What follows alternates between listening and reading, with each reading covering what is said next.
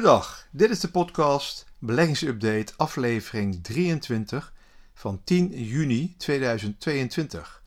Mijn naam is Joost Boors. Nou, elke week in het kort al het relevante beursnieuws, alles over beleggen en vermogensopbouw.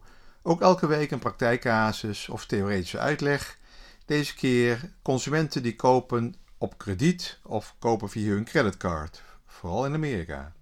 Nou, beurzen blijven in een zijwaartse patroon bewegen. Twee dagen plus, twee dagen min. Geen duidelijke richting. Dinsdagochtend kregen we de Duitse fabriekorders. En deze gaven duidelijk signalen dat het wat minder gaat met de economie. Slechter dan verwacht. Daarnaast verhoogde Australië de rente met 50 basispunten. Nou, dit kwam wel als een verrassing. Nou, de zorgen omtrent economische groei en inflatie eh, nemen weer toe. Dat zie je ook weer terug eh, op de beurzen. Dan krijgen we weer wat eh, meer beweging.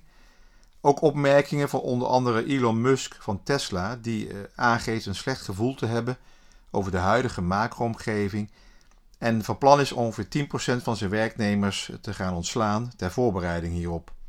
daarnaast zegt de bestuurder van bijvoorbeeld JP Morgan Chase, een van de grotere zakenbanken in Amerika en van de wereld, dat we aan de vooravond staan van een economische orkaan. Nou, dat zijn dus niet erg bemoedigende woorden, maar ze hoeven het ook niet allemaal uh, bij het juiste eind te hebben, hè, goed te hebben. Uh, op dinsdag gaf Target, een van de grootste retailers van Amerika, en ook van, de, van de wereld ongeveer, een prognose over de omzet. En deze viel dus tegen. Target heeft ook huishoudelijke artikelen, maar ook inrichting en dat soort dingen van huizen, meubels. Eh, voeding, en maar ook eh, kleding. Dus eigenlijk eh, van alles. Het Target gaat afschrijven op voorraden die verouderd zijn. Ze hebben dus te veel ingekocht. Hè. Ze waren dus na, na, corona zijn ze gaan inkopen. Ze waren bang voor het hamsteren en voor logistieke problemen. Dus ze hebben gewoon heel veel voorraden opgekocht. Maar nu gaan ze dus uh, afschrijven, want ja, de consument ziet toch dat dit wat oudere voorraden zijn. Hè? Uh, niet meer volgens de laatste uh, mode. dus, um, ja, en die consumentenbestedingen blijven achter. Die koers van Target daalde met 10%. Dat zag je dus ook terug dat die aandelenmarkt even wat moeite had. Ja, deze week steeg ook de koers van Netflix weer even iets. Na een daling van de laatste zes maanden, de koers dit jaar gedaald van zo'n 600 eh, naar 165 eh, en staat nu weer rond de 200. Nog steeds zo'n 65% lager. Maar ja, die koers is wel extreem vooruitgelopen. Het aantal abonnees stagneert bij Netflix. En nu gaat het gerucht dat Netflix geïnteresseerd is in het mediabedrijf Roku. Ja, hiervan zijn de aandelen ook zo'n 70 tot 80% gedaald. En Roku maakt slimme hardwarekastjes waarmee je geen kabel-tv nodig hebt om streamingdiensten zoals Disney en Netflix te kunnen ontvangen. De combinatie van Netflix en Roku zou een sterke speler worden in dit segment. Nou, ben benieuwd of dit uh, gerucht ook uh, bewaarheid gaat worden.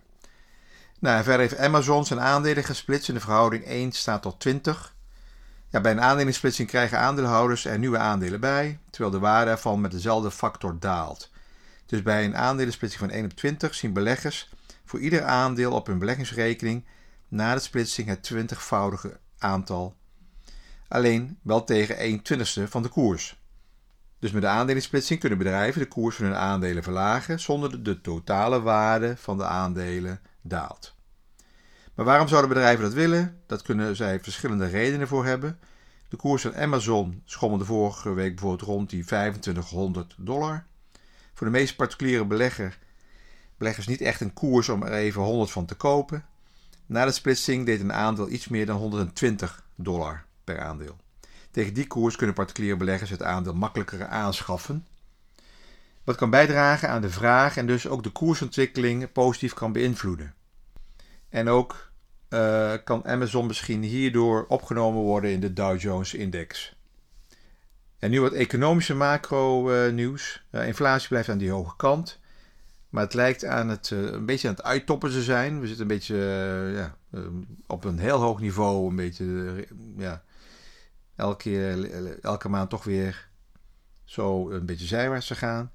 Toch heeft de Europese Centrale Bank donderdag besloten om de rente te verhogen. En dit is voor het eerst weer sinds 2011. Dus een hele tijd is dat niet gebeurd. En in september gaan ze het ook weer verhogen en dan waarschijnlijk met uh, 50 basispunten. Dus het begin is er gezet.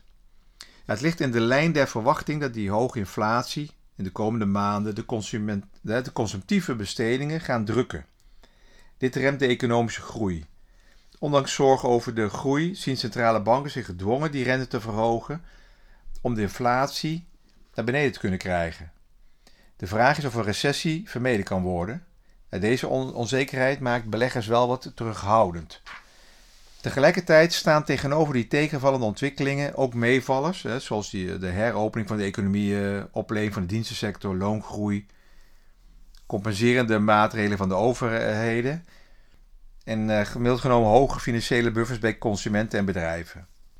Beursgenoteerde bedrijven hebben het eerste kwartaal van dit jaar overwegend goede winst- en omzetcijfers gepresenteerd. Of de, de trend dalend blijft of dat de koersen zich herstellen, hangt onder andere af van het verloop van de oorlog, de inflatie en of er een recessie komt en de reactie van centrale banken en overheden op die recessie.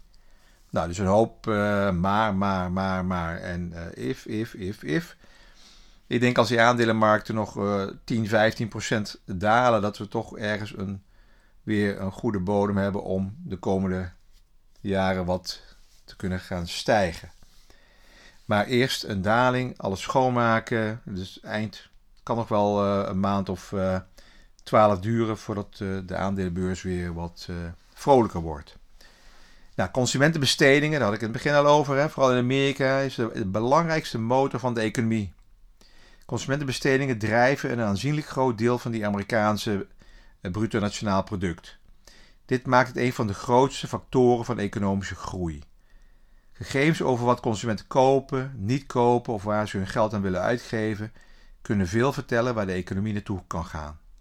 Het volgen van de trend op consumentenbestedingen kan, die, eh, kan dienen als een waardevol hulpmiddel voor het beheren van, de, eh, van investeringen. Zelfs een kleine daling van de consumentenbestedingen schaadt de economie. Naarmate het afneemt, vertraagt de economische groei. De prijzen dalen, waardoor deflatie ontstaat. Als de trage consumentenbestedingen aanhouden, krimpt ook de economie. Te veel van het goede kan ook schadelijk zijn. Als de economie, als de consument maar blijft besteden, overbesteding, dan kan het schadelijk zijn. Wanneer de vraag van die consument groter is dan het vermogen van de fabrikanten om goederen en diensten te, eh, leveren, stijgen de prijzen. vraag en aanbod. Als dit zo doorgaat, creëert dat inflatie. Nou, daar zitten we dus op dit moment. Als consumenten steeds hogere prijzen verwachten, Zullen ze nu meer uit gaan geven? dat verhoogt de vraag verder. De consument denkt van oké, ik ga nu alvast wat meer kopen, want straks hebben we uh, inflatie, hogere prijzen. Het wordt een soort self-fulfilling prophecy die moeilijk te stoppen is. Daarom is het primaire mandaat van die centrale bank van, van een land, hè, uh, bijvoorbeeld die uh, Federal Reserve of de ECB in Europa, om inflatie te voorkomen of te beheersen. Amerikanen, ja, Amerikaanse consumenten gebruiken wel heel veel die creditcard. En die gebruiken ze steeds vaker. Deze week hebben we cijfers gehad. De beleggers en economen letten heel goed op dit, uh, dit cijfer. want dat uh, centrale bank eh, die houdt het bij wat de consumentenkrediet over elke maand is. En het wordt gerapporteerd. Nou, dat wordt nu dus heel erg van belang. Hè? De lopend krediet, dat meestal creditcard in Amerika maakt bijna een kwart uit van alle consumentenschulden. Het steeg met 21% in de eerste drie maanden van het jaar. De gegevens suggereren dat naarmate de inflatie is gestegen, consumenten de detailhandelsbesteding op een hoog niveau hebben gehouden door meer te lenen. De stijging van die consumentenschuld, naarmate de economie vertraagt en de rente stijgt, kan leiden tot een harde terugval van de consumentenbestedingen aangezien consumentenbestedingen goed zijn voor 70% van Amerika. Dus elke terugval kan de economie in een recessie doen belanden. Ja, stijgende rente, verwachting is ook in Europa. Deze week hebben we die Europese Centrale Bank uh, gezien dat ze die rente hebben verhoogd. Ze zijn nog een beetje terughoudend. Hè? Amerikanen gaan iets voortvarende, maar Amerika doet alles altijd eerder. Europa komt er langzaam achteraan. We hebben natuurlijk ook te maken met uh, landen die een iets ho te hoge schuld hebben. Italië. Dus centrale bank zit niet te wachten om de rente te snel te verhogen, want dan wordt die te betalen rente op de staatsschuld voor de Italianen toch een beetje een eh, bottleneck.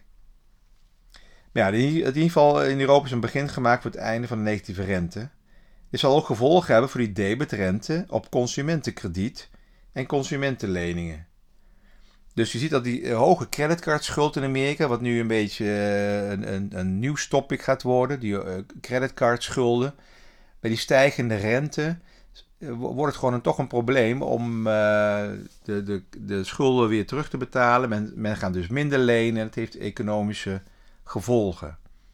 Geldt ook voor de huizenmarkt. In Amerika is de hypotheekrente behoorlijk gestegen. En de afgelopen week kwamen de eerste cijfers uit dat de huizen, uh, de nieuwe hypotheken, toch fors lager was dan twee maanden geleden. De aanvraag voor nieuwe hypotheken daalt in Amerika al. Nou, aandelen, sectoren en bedrijven die het meest last van zullen krijgen van het uh, misschien afname van consumentenbestedingen zijn bedrijven uit de sector consumenten duurzaam. Denk aan luxere kledingmerken, elektronica, auto's, entertainmentindustrie en nog vele andere bedrijven in het duurzame goederensegment. Eigenlijk zijn het alle bedrijven uh, die niet essentieel, uh, essentiële producten maken om te overleven.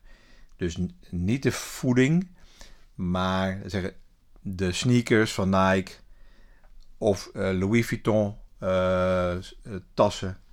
Geen Starbucks, want dat hoort ook bij het luxe segment. Nou, dat zijn allemaal bedrijven die problemen gaan krijgen als die consument in Amerika toch minder gaat besteden.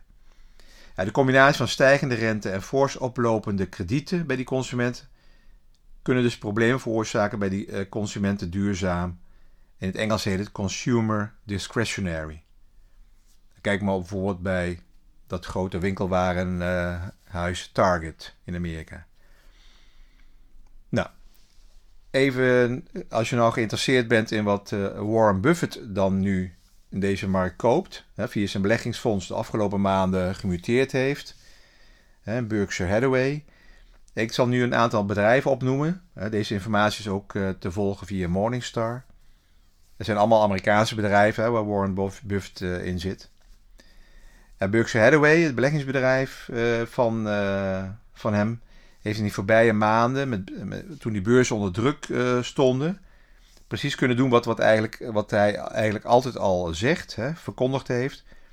Wees bevreesd als anderen gulzig zijn en wees gulzig wanneer anderen angstig zijn. Nou, hij heeft wat gekocht en bijgekocht.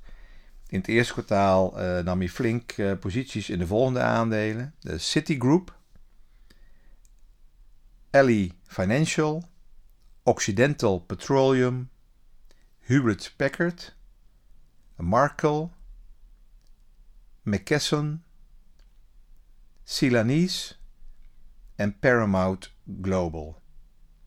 Daarnaast vergrootte hij zijn bestaande posities in Apple, Chevron en General Motors. Hij werd natuurlijk ook verkocht. Opmerkelijk is dat eh, Berkshire gedurende het eerste kwartaal zijn posities in AbbVie en Bristol Myers Squibb volledig heeft afgebouwd. Dus hij is een beetje uit die uh, healthcare. Helemaal opvallend is ook dat de positie in veel geplaagde Amerikaanse bank Wells Fargo, die hadden ze heel lang in portefeuille, ook volledig verkocht is. En ook het belang in uh, Verizon communicatie is bijna helemaal afgebouwd. Dus hij koopt voornamelijk chemie, medische hulpmiddelen, oliemaatschappijen, ehm, ja, bioscopen, entertainment en verzekeraars. Ja, Buffett is wel een lange termijn belegger op basis van fundamentele analyse. Hij is niet zo geïnteresseerd in korte termijn koersbewegingen. Wat ik wel opvallend vind is dat hij Hewlett Packard koopt. Ik uh, weet niet wat hij daar um, voor plannen mee heeft. Misschien dat hij denkt dat er weer een fusie aan gaat komen. Maar ja, dan moeten we allemaal gaan kijken wat het gaat inhouden. Nou, in ieder geval dank voor het luisteren. Alles op persoonlijke titel. Geen direct advies.